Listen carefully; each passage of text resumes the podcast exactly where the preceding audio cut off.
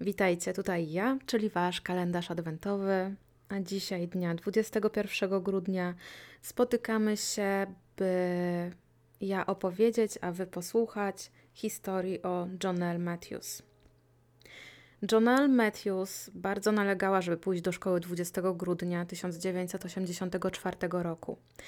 Nie chciała być nieobecna, mimo że od kilku dni była chora, ale było to coś bardziej kalibru katar i kaszel, a bardzo chciała iść do szkoły, bo miała przygotowane małe prezenty dla swoich koleżanek. No a tym drugim powodem, e, dla którego chciała iść do szkoły, był koncert przedświąteczny, który miał się odbyć po szkole, a Jonelle bardzo chciała wziąć w nim udział. Ostatecznie rodzice zgodzili się, ale pod jednym warunkiem. Po koncercie córka miała wrócić do domu i położyć się do łóżka i wygrzać tę chorobę. Jonelle jak najbardziej się zgodziła, choć na ten dzień miała w planie jeszcze udział w meczu baseballa, e, w której to drużynie baseballa grała jej siostra. Tak więc dziewczyna poszła do szkoły, a chodziła wtedy do siódmej klasy. Wróciła do domu i zaczęła przygotowywać się na udział w koncercie. Tego dnia w domu państwa Matthews dużo się działo, ponieważ matka Jonelle, Gloria, miała wieczorem polecieć do Colorado, do Kalifornii, gdzie mieszkali jej rodzice. Jim i Jonelle pożegnali Glorię. E, Jennifer nie było w domu, bo najprawdopodobniej została w szkole po szkole, żeby przygotować się do meczu. Jim później podwiózł swoją córkę pod szkołę, a była to Franklin Middle School.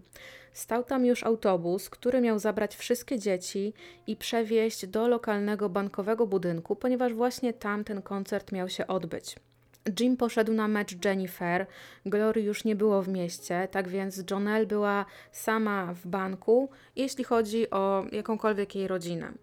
Tak więc ojciec, który pożegnał się z Jonelle pod budynkiem szkoły, był tą ostatnią osobą z rodziny, która widziała Jonelle Matthews żywą. Po koncercie Jonelle zapytała ojca swojej koleżanki, D.N. Ross, czy mógłby ją podwieźć do domu. No i jak najbardziej ojciec D.N. się na to zgodził. Coś, co na początku nie przykuło uwagi pana Ross yy, i mężczyzna w ogóle nie uznał, że to jest coś niepokojącego, to fakt, że drzwi do garażu państwa Matthews były otwarte, kiedy już podjechali do domu i yy, mężczyzna wysadzał Jonelle. Jednak kiedy Jonelle zamknęła za sobą drzwi wejściowe domu, no to ojciec yy, z córką stwierdzili, że jest ona bezpieczna i po prostu pojechali w swoją stronę. To, co wiemy o sprawie Jonelle, to to, że na pewno była w domu około godziny 20.30, ponieważ odebrała telefon od nauczyciela z lokalnej podstawówki, który chciał rozmawiać z jej ojcem. Ponieważ e, Jim był dyrektorem właśnie w tej podstawówce, a ów nauczyciel chciał przekazać mu, że jest chory, no i że nie przyjdzie następnego dnia do szkoły i żeby Jim zorganizował za niego zastępstwo. O godzinie 21.30 mężczyzna wraca do domu, i zauważa to samo co ojciec DM, że drzwi garażowe są otwarte. Kiedy wszedł do domu i zawołał Jonelle, nikt mu nie odpowiedział. Zajrzał więc do salonu i zobaczył, że Jonelle tam musiała być na kanapie przed telewizorem, ponieważ e, umościła sobie takie e, wygodne miejsce wśród poduszek, wśród kocy. Niedaleko kanapy stał też przenośny grzejnik, który był już podłączony i działał. Jednak ponieważ Jonelle nie odpowiadała, no to założył, że dziewczyna może wyszła na chwilę do koleżanki, że jest po drugiej stronie ulicy, no i pewnie po prostu za chwilę wróci. Zajął się więc przygotowywaniem prezentów świątecznych, a pół godziny później wróciła Jennifer. No i teraz już Jim zaczął się nieco martwić. E, spytał 16-letniej córki, czy młodsza siostra była z nią. Może miał nadzieję, że jego młodsza córka była na meczu, mimo że rodzice kazali jej wrócić do domu mm, i miała wrócić do domu zaraz po tym koncercie świątecznym. Natomiast Jennifer powiedziała ojcu, że ona nie widziała swojej siostry y, i nie widziała jej odkąd rano wyszła do szkoły. Pierwszą osobą, do której zadzwonił Jim, był James Christie, który nie był policjantem, a był lokalnym pastorem i jednocześnie był jednym z najbliższych przyjaciół Jima. Rada, jaką Jim usłyszał od Jamesa, było: powinieneś natychmiast zadzwonić na policję. No i w przeciągu 15 minut po wykonanym telefonie zjawili się funkcjonariusze policji. To, co zauważyli i to, co przykuło ich uwagę, to fakt, że nigdzie nie było domowych kapci Jonelle, a jej buty stały nadal na swoim miejscu. I tutaj, w zależności od źródeł, ponieważ jedne podają, że na kanapie leżały rajstopy dziewczyny, a inne, e, że był to szal, no to była druga dziwna rzecz, która przykuła uwagę funkcjonariuszy. I w związku z tym niektórzy zarzucali udział motywu um, napastowania w zniknięciu Jonelle właśnie przez te rajstopy, czy też przez ten szal. No ale nie zapominajmy, że 30 lat wstecz zimy były y, naprawdę bardzo zimne, padał śnieg, więc pewnie Jonelle pod spodniami nosiła rajstopy. Mm, kiedy wróciła do domu, było jej za ciepło. No i to, co mm, pierwsze zrobiła, kiedy wróciła do domu, to po prostu, by poczuć się komfortowo, ściągnęła spodnie, ściągnęła rajstopy. Funkcjonariusze policji zaczęli badać okolice domu państwa Matthews i na tyłach domu odkryli ślady butów, które były odciśnięte w śniegu. W tak zwanym międzyczasie Gloria, która dotarła do rodziców, zadzwoniła z Kalifornii, by poinformować właśnie swojego męża o tym fakcie, że już dotarła i wszystko jest w porządku. No i dla Jima to była najtrudniejsza rozmowa, jaką musiał przeprowadzić tego dnia. Mm, poinformował swoją żonę o tym, co się stało. Poinformował ją, że Jonelle zniknęła, a w ich domu jest policja. Jednak oficjalne poszukiwania dziewczynki rozpoczęły się dopiero 21 grudnia, w związku z tym, o której godzinie zaginęła i o której zostało to zaginięcie zgłoszone przez Jima. W sprawę zaangażowane było FBI. Funkcjonariusze przepytali wszystkich znajomych, wszystkich przyjaciół, wszystkich, którzy mieli styczność z Jonelle tamtego wieczora, czy cokolwiek wiedzą, czy mają jakieś informacje w związku z jej zaginięciem. Dosyć szybko została wykluczona możliwość, że dwunastolatka miałaby dobrowolnie uciec z domu. Po prostu nie, nie miała takiego powodu. No i w sumie czemu miałaby uciekać w kapciach, bez żadnych rzeczy osobistych zabranych ze sobą?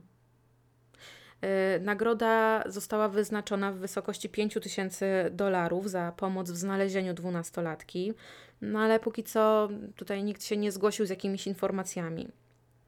Po kilku dniach poszukiwań śledczy nie mieli żadnych konkretów w sprawie zaginięcia Jonelle, ale przyglądali się podejrzanym osobom.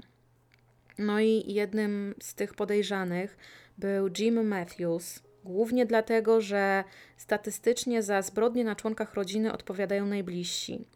A Jim był właśnie wtedy tą jedyną osobą, która pasowała do statystyk. Poza tym y, zachowywał się jakoś tak za spokojnie, jak na fakt, że zaginęła mu córka i nie wiadomo, gdzie ona jest. Tak więc funkcjonariusze przez kilka kolejnych miesięcy bardzo bacznie przyglądali się Jimowi, co sprawiło, że na radarze policji pojawiła się druga podejrzana osoba, mianowicie matka Jonelle. Jak się później okazało, biologiczną matką Jonelle nie była Gloria. Jonelle była adoptowana. Natomiast e, dziewczynka od początku wiedziała, że była adoptowana, także nie była to dla niej jakaś wielka tajemnica. Natomiast nigdy nie miała kontaktu ze swoją biologiczną matką, e, która urodziła Jonelle wtedy, kiedy ona miała 13 lat, kiedy ta matka miała 13 lat. Rodzina Matthews otrzymała ogromne wsparcie od najbliższych, od przyjaciół, od znajomych, rodziny. W roku 85 pojawił się też ze wsparciem ojciec innej zaginionej dziewczynki, 15-letniej e, Beth Miller, która zaginęła w 83 roku. E, ona poszła pobiegać niedaleko domu w Idaho i nigdy nie wróciła. I z tego co mi wiadomo, nie było takich jakichś większych podobieństw w tych sprawach. Mm, no może to, że dziewczyny były nastolatkami i zaginęły, ale ojciec Beth nie przybył do Matiusów właśnie, żeby szukać podobieństw, tylko po to, by pocieszyć rodzinę, no bo przeżywali tę samą tragedię. 9 lutego 1985 roku miały być 13 urodziny Jonelle, a do tego czasu poszukiwania dziewczynki były zakrojone na taką skalę, że wręcz nazywane były największymi poszukiwaniami w Greeley, bo tam mieszkała rodzina Matthews. E, zaangażowanych było 600 wolontariuszy, jednak po Jonelle no nie było najmniejszego śladu. Była ona jedną z pierwszych zaginionych dzieci, których podobiznę wydrukowano na kartonach mleka. Rodzice Jonelle występowali w telewizji, apelowali, rozdawali tonę ulotek tylko po to, żeby trafić do osoby, która może coś sobie przypomni, może coś skojarzy, może coś będzie pamiętała. No i po sześciu miesiącach nieustannego śledzenia, pilnowania biologicznej matki Jonelle, kobieta została wykluczona z kręgu podejrzanych.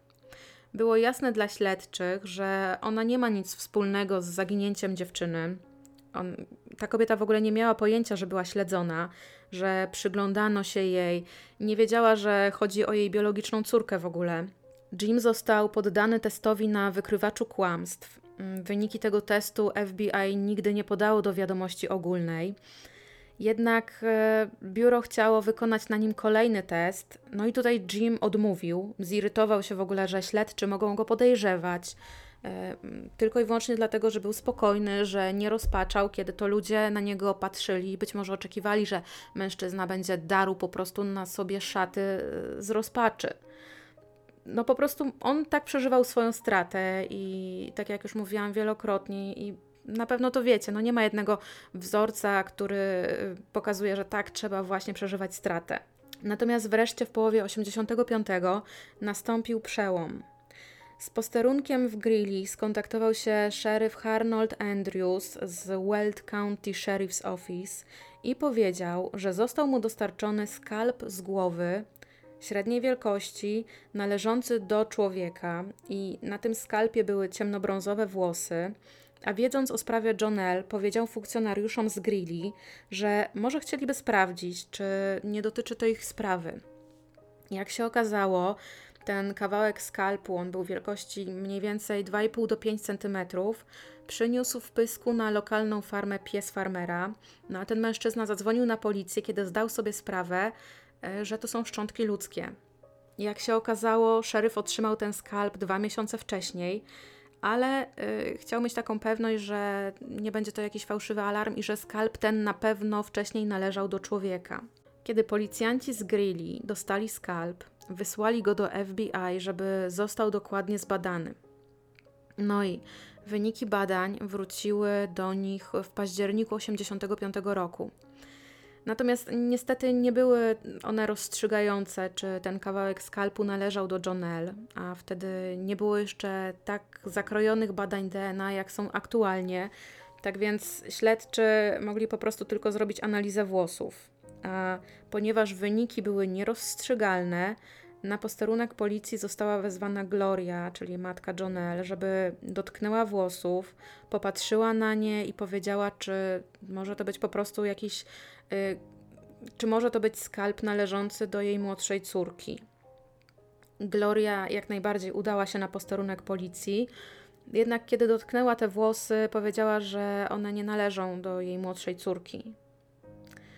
Przez 8 lat od zaginięcia Jonelle w sprawie nie pojawiły się żadne nowe ślady, aż wreszcie w 1992 roku z policją w Greeley skontaktował się posterunek policji z Dakoty Południowej. E, no i odległość od tych dwóch punktów to jest jakieś ponad 800 kilometrów. I funkcjonariusz z Dakoty przekazał informację o tym, że w domu pewnego zatrzymanego mężczyzny podczas przeszukiwania funkcjonariusze znaleźli masę wycinków z gazet dotyczących zaginionych dzieci. No i jeden z tych wycinków dotyczył właśnie John L. Jednak jak się okazało po wnikliwym badaniu tematu, Mężczyzna nie miał nic wspólnego z rodziną Matthews, ani nawet nie był w pobliżu Grilli w momencie, kiedy zaginęła Jonelle. Po prostu musiał mieć takie, nie wiem, hobby polegające na zbieranie wycinków z gazet dotyczących zaginionych dzieci, zaginionych nastolatków. 10 lat po zaginięciu Jonelle, jej rodzina mogła legalnie ogłosić, że Jonelle jest uważana za osobę zmarłą. Mimo, że nie mieli fizycznie ciała dziewczynki, to mogli wyprawić małą ceremonię pożegnalną i stworzyć płytę nagrobkową, gdzie mogliby przychodzić, gdzie mogliby zaświecić znicz, zostawić kwiaty. Było to, było to dla nich jakieś takie połowiczne zakończenie. Natomiast lata lecą, a w 96 roku rodzina Matthews przeżywa szok, kiedy ze skrzynki wyciągają pewien list, i bynajmniej nie jest to list od porywacza Jonelle, czy kogoś, kto wiedziałby, gdzie jest, czy była dziewczyna, a od e, biologicznej matki Jonelle. Biologiczna matka chciała poznać swoją biologiczną córkę, a Gloria też wiedziała, że Jonel od zawsze chciała poznać swoją biologiczną matkę. I kiedy już mogłoby się to udać, no to pani Matthews niestety musiała powiedzieć tej matce biologicznej, że nie może poznać swojej córki. Przez 30 lat od zaginięcia Jonel rodzina Matthews przeprowadziła się kilka razy. Mm, mieszkali m.in. na Filipinach, aż wreszcie Gloria i Jim zdecydowali, że osiądą na Kostaryce.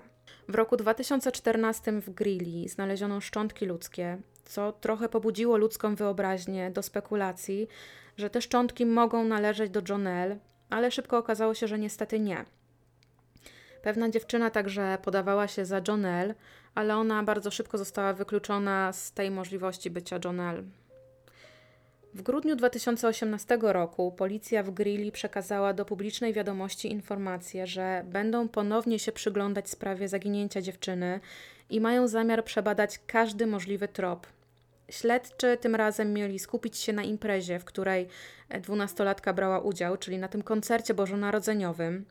Wypuścili także do publicznej wiadomości film z koncertu, gdzie widać śpiewającą w gronie koleżanek Jonelle.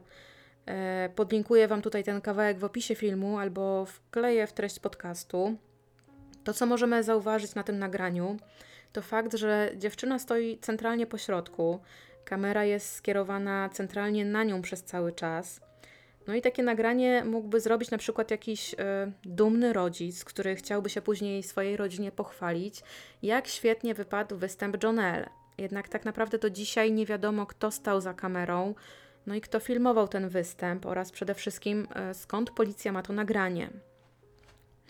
Niektórzy dopatrują się w tym nagraniu, jakoby Jonelle się do kogoś uśmiechała, patrzyła na tę osobę, ale ponieważ Grilli to takie małe miasteczko, no to mogła wtedy tam po prostu znać wszystkich.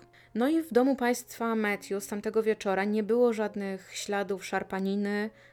Od odebrania telefonu przez Jonelle do jej zniknięcia minęła jedna godzina, tak więc policja dawała mocno do zrozumienia, że uprowadzenia musiał dokonać ktoś z lokalnej społeczności.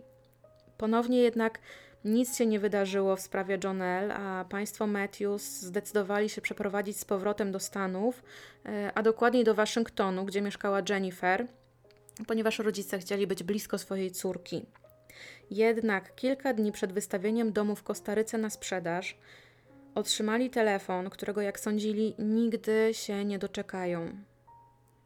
Jonelle została znaleziona, a dokładnie nie Jonelle, a jej szczątki. W lipcu 2019 roku podczas kopania rurociągu robotnicy znaleźli szczątki. Nie zakopane były głęboko pod ziemią, ale były mm, w środku tak zwanego, ja na to mówię, w środku niczego. E, szczątki Jonelle miały na sobie ubrania, które wydawało się, że pasują do tego, w co dziewczynka była ubrana ostatni raz, kiedy była widziana żywa. Miejsce, w którym została odnaleziona, położone było niecałe 30 km na północ od Grilli. We wrześniu 2019 roku śledczy byli w stanie ze sprawy, z której nic się nie działo latami albo działo się bardzo mało, przejść do podania nazwiska osoby podejrzanej, i była to osoba, której rodzina Matthews kompletnie nie znała. Był to Steve Pankey. Ponoć Steve próbował na przestrzeni lat kontaktować się w tej sprawie z policją, ale bezskutecznie. Po podaniu do publicznej wiadomości jego nazwiska, mężczyzna udzielił kilku wywiadów, w których wyjaśnił, jaki ma związek ze sprawą. Jednym z wywiadów jest ponad 50-minutowa rozmowa z reporterem lokalnej telewizji, który to wywiad podlinkuję Wam w opisie filmu. I w tym wywiadzie mężczyzna mówi, że on nigdy nie poznał rodziny Matthews, E, w nocy zaginięcia Jonelle był w swoim domu ze swoją aktualnie byłą żoną i pięcioletnim synem. E, oni wtedy mieszkali w Grilli i dzieliło ich jakieś 20-30 minut spacerem, w zależności od tego, jaki szybki to był spacer. Samochód rodziny Panki był zapakowany po sam sufit, ponieważ następnego dnia planowali pojechać do rodziny na święta. I mężczyzna to wtrąca tak w zasadzie podczas tego wywiadu, tak nistego nizowego A może ma jednak taki cel, żeby uświadomić odbiorcom wywiadu, że nie byłby w stanie użyć samochodu do innego celu niż e, pojechanie na święta, czyli gdyby ktoś zarzucił mu, że chciał gdzieś przetransportować ciało, to on by powiedział, że nie ma szans, bo samochód był załadowany. W pewnym momencie 20 grudnia wieczorem zdecydował się wyjrzeć przez okno, żeby sprawdzić, czy pada śnieg, czy dalej pada. No i patrzył na to, co dzieje się za oknem, w obawie, że gdyby dopadało więcej tego śniegu, to on z rodziną nie byliby w stanie wyjechać z grilli. Kiedy tak wyglądał przez okno, zobaczył, że na jego podjeździe z zaświeconymi światłami zatrzymał się samochód policyjny. I pomyślał, że pewnie funkcjonariusze policji chcą coś, chcą za coś go znowu zatrzymać. W wywiadzie tym Panki mówi, że tak pomyślał, bo przed ożenieniem się ze swoją e, wtedy obecną żoną był homoseksualistą. E, opowiadał, że miał bardzo duże doświadczenia z zatrzymaniem ludzi o jego orientacji, ponieważ policja pewnego razu zatrzymała jego kuzyna, który był właśnie homoseksualny i pozbawili go życia. I miało się to dziać gdzieś w latach 40. Jednak Panki później mówi o tym, że w młodości miał też zatargi z prawem. W latach 70., kiedy pracował jako pastor, został oskarżony o napaść, napastowanie. Y, zarzuty zostały finalnie oddalone, ale on też stracił swoją pozycję w kościele. Steven w tamtym czasie sypiał z kobietą. Ona zaszła w ciążę i wyjechała do Anglii, żeby dokonać terminacji, a potem wróciła. A kiedy mężczyzna dowiedział się o zabiegu, bardzo się zdenerwował, ponieważ kobieta zrobiła to sama, bez konsultowania z nim usunięcia. Po raz ostatni po zabiegu wylądowali w łóżku i wtedy też panki miał jej zagrozić, że powie wszystkim w kościele o tym, co zrobiła. A że i ona była wysoko postawionym członkiem tego kościoła, no to mogło to znacznie wpłynąć na jej reputację. I według mężczyzny, ta kobieta, żeby się bronić przed nim, oskarżyła go o napastowanie. W tym wywiadzie, według Stevena, miał na przestrzeni lat około 20 różnych zdarzeń, e, w, w wyniku których miał zatargi z prawem. Większość zarzutów oddalono, kilka wylądowało w sądzie, a te, które wylądowały w sądzie, no to wszystkie, wszystkie wygrał. Według niego co do jednej. Tak więc, patrząc niejako na to, co Steve ma za uszami, czy miał za uszami, może mógł pomyśleć, że samochód policyjny zatrzymuje się na jego podjeździe, żeby go zgarnąć. Ale to dla mnie taka dziwna sprawa. Czemu, czemu nie pomyślał, że akurat samochód po prostu zawraca? Według tego, co mówił Steve, ten samochód policyjny miał stać na podjeździe domu przez chwilę, ze światłami e, skierowanymi tak, że oświetlał dom, po czym ktoś, kto nim kierował, po prostu odjechał. No i nie myślał już więcej o tym samochodzie e, tamtego wieczora. 21 grudnia między godziną 3 a 4 rano razem z żoną i synkiem wyjechali z miasta. Mężczyzna wtedy nie słyszał żadnych informacji odnośnie Jonelle, bo jak twierdził, jechali do rodziny w całkowitej ciszy bez włączonego radia. I pierwszy raz o zaginięciu dwunastolatki usłyszał 26 grudnia, kiedy to wracał do swojego domu. Dzień później Stevena odwiedził teść, z którym e, mężczyzna nie rozmawiał, nie mówił nic do niego, chociaż według Stevena, e, no to to teść z nim nie rozmawiał. Jednak e, tego właśnie dnia teść postanowił, że się otworzy i porozmawia ze Stevenem. I co więcej, postanowił mu opowiedzieć nawet pewną dziwną historię. Otóż teść Stevena był grabarzem. I według pana grabarza, pewnego zimowego przedświątecznego dnia, przyszedł do niego policjant i powiedział, że ma ciało i że musi pochować to ciało. Kiedy teść powiedział mu te rewelacje, e, Steven zapytał, czy ma na sobie w ogóle podsłuch policyjny i czy w tak mało finezyjny sposób e, go bierze pod włos, podbiera. Jednak teść Stevena nie powiedział nic więcej, tylko po prostu po oświadczeniu tego, co oświadczył, wyszedł.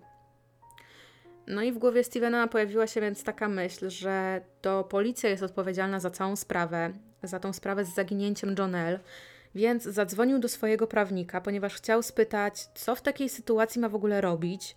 Jednak jego prawnik był niedostępny, ponieważ wyjechał na urlop poza Stany. Steven więc zdecydował, że rozejrzy się na terenie swojej posesji, głównie w tym miejscu, gdzie stał samochód policyjny 20 grudnia. I jak możecie się domyśleć, nie znalazł nic. tak zwanym międzyczasie wrócił do Stanów jego prawnik i doradził Steve'owi, żeby udał się na policję i przekazał na posterunku wszelkie informacje, jakimi dysponuje. Skontaktował się z FBI, bo jak mówił, nie chciał mieć kontaktów z policją, głównie przez swoją przeszłość i głównie przez zatargi z funkcjonariuszami. Śledczy z FBI zapisali te jego informacje i te historie, ale chcieli dowiedzieć się nieco więcej o Steve'ie, więc zaczęli pytać o jego przeszłość. No i jak się okazało, Steve był pastorem kościoła, do którego chodzili rodzice Jonelle. Jednak mogli na siebie nie trafić, ponieważ Jim i Gloria e, zaczęli tam uczęszczać po odejściu Stevena. Okazało się też, że mężczyzna miał jakieś zatargi z ojcem Dean Ross, dokładnie tym samym, który odwoził dwunastolatkę po koncercie do domu. Mężczyźni pracowali razem i mieli nawet tak mocny zatarg pewnego razu, że e, ta różnica zdań doprowadziła ich aż przed sąd.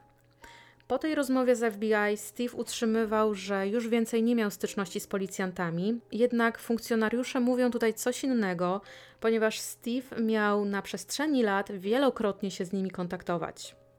W międzyczasie mężczyzna z rodziną przeprowadził się do Idaho, gdzie dołączył do kościoła Jezusa Chrystusa Świętych w dniach ostatnich. I kiedy dołączył do kościoła, przyjął chrzest. Mm, wtedy biskup kościoła spytał, czy chce wyznać e, coś, co ciąży mu na sumieniu. I Steven powiedział, że w poprzednim miejscu, tam gdzie mieszkał, była taka dwunastolatka, która zaginęła i że miał dziwną rozmowę w związku z tym ze swoim teściem i że to gdzieś tam zawsze mu z tyłu głowy siedziało i bardzo mocno niepokoiło. E, natomiast patrząc na przeszłość Stevena, no to raczej wiele rzeczy mogło mu tam gdzieś ciążyć na sumieniu, ale wybrał akurat powiedzenie e, o tej dziwnej rozmowie. Niemniej jeszcze wracając do tego wywiadu, to w tym wywiadzie Steven mówi o tym, że w gazecie z czasów, gdy mieszkał w Glini, było dużo artykułów o Jonelle, bo było to jedyna taka zbrodnia e, w tamtym czasie, e, przy czym on użył wtedy słowa morderstwo. No i po grudniu 2018 roku Steven zaczął się bardziej intensywnie znowu kontaktować z policją. Mm, kiedy właśnie w grudniu 2018 roku funkcjonariusze ogłosili, że ponownie będą się przyglądać sprawie John L. Funkcjonariusze policji w okolicach kwietnia 2019 mieli skontaktować się z jego ciotką i poinformować, że Steven jest podejrzany w sprawie zbrodni na John L. Y, miał też być wtedy bardzo wnikliwie obserwowany. No i kiedy Steve się o tym dowiedział, y, to powiedział, że dobrowolnie podda się testowi na wykrywaczu kłamstw że da próbkę DNA i będzie współpracował z policją, byle tylko siebie wykluczyć z kręgu podejrzanych. E, jednak według policji no to nigdy nie doszło do przekazania próbki DNA. Kiedy szczątki Jonelle zostały znalezione, mieszkanie Stevena Panki zostało przeszukane, E, oczywiście z nakazem przeszukania, jaki miała policja. No i nakaz obejmował wszelkie urządzenia elektroniczne, komputery, telefony, wszystko, co mogłoby służyć Steve'owi do przechowywania jakichkolwiek podejrzanych rzeczy, jakichś zdjęć, filmów, wszystko, co mogło mu służyć do komunikacji. No i w nakazie była też mowa o wszelkich notatkach, dziennikach, pamiętnikach, jakichś miejscach, w których Steve mógł zapisywać wspomnienia. Jednak Steven Punky nie został postawiony przed sądem. On sam określa się mianem podejrzanego i twierdzi, że to policja ma coś wspólnego z zaginięciem Jonelle Matthews. Według jego teorii spiskowej, nie tylko policja ma coś wspólnego, ale także wysoko postawieni włodarze lokalnego kościoła, w którym notabene on sam kiedyś pracował. Nie wiadomo, czy policja przeszukała oryginalny dom Stevena. Wiadomo jedynie, że szukali czegoś na posesji domu, ale nigdy w środku i nigdy też żadne wyniki nie zostały przedstawione szerzej. No i to w zasadzie tyle, jeśli chodzi o sprawę Jonelle. Na jakimś forum Steven napisał, że bez układu to ta sprawa nie będzie nigdy rozwiązana. No i pojawia się pytanie, czy, czy to znaczy, że za zaginięciem Jonel faktycznie stoi ktoś, kto jest postawiony wyżej, czy to w strukturach policji, czy w strukturach kościoła? tak jak możecie wywnioskować z tej historii, to tak naprawdę dzięki niesamowitemu szczęściu udało się odnaleźć szczątki Jonel, bo kilkadziesiąt centymetrów y, w lewo albo w prawo i Jonel mogłaby być nadal uznawana za zaginioną, a rodzina no tak naprawdę do dzisiaj nie mogłaby faktycznie złożyć szczątków swojej córki, swojej siostry do grobu. Także z jednej strony ogromne szczęście, z drugiej niestety potwierdzenie ogromnej tragedii. Dziękuję Wam za wysłuchanie tej historii i do usłyszenia jutro.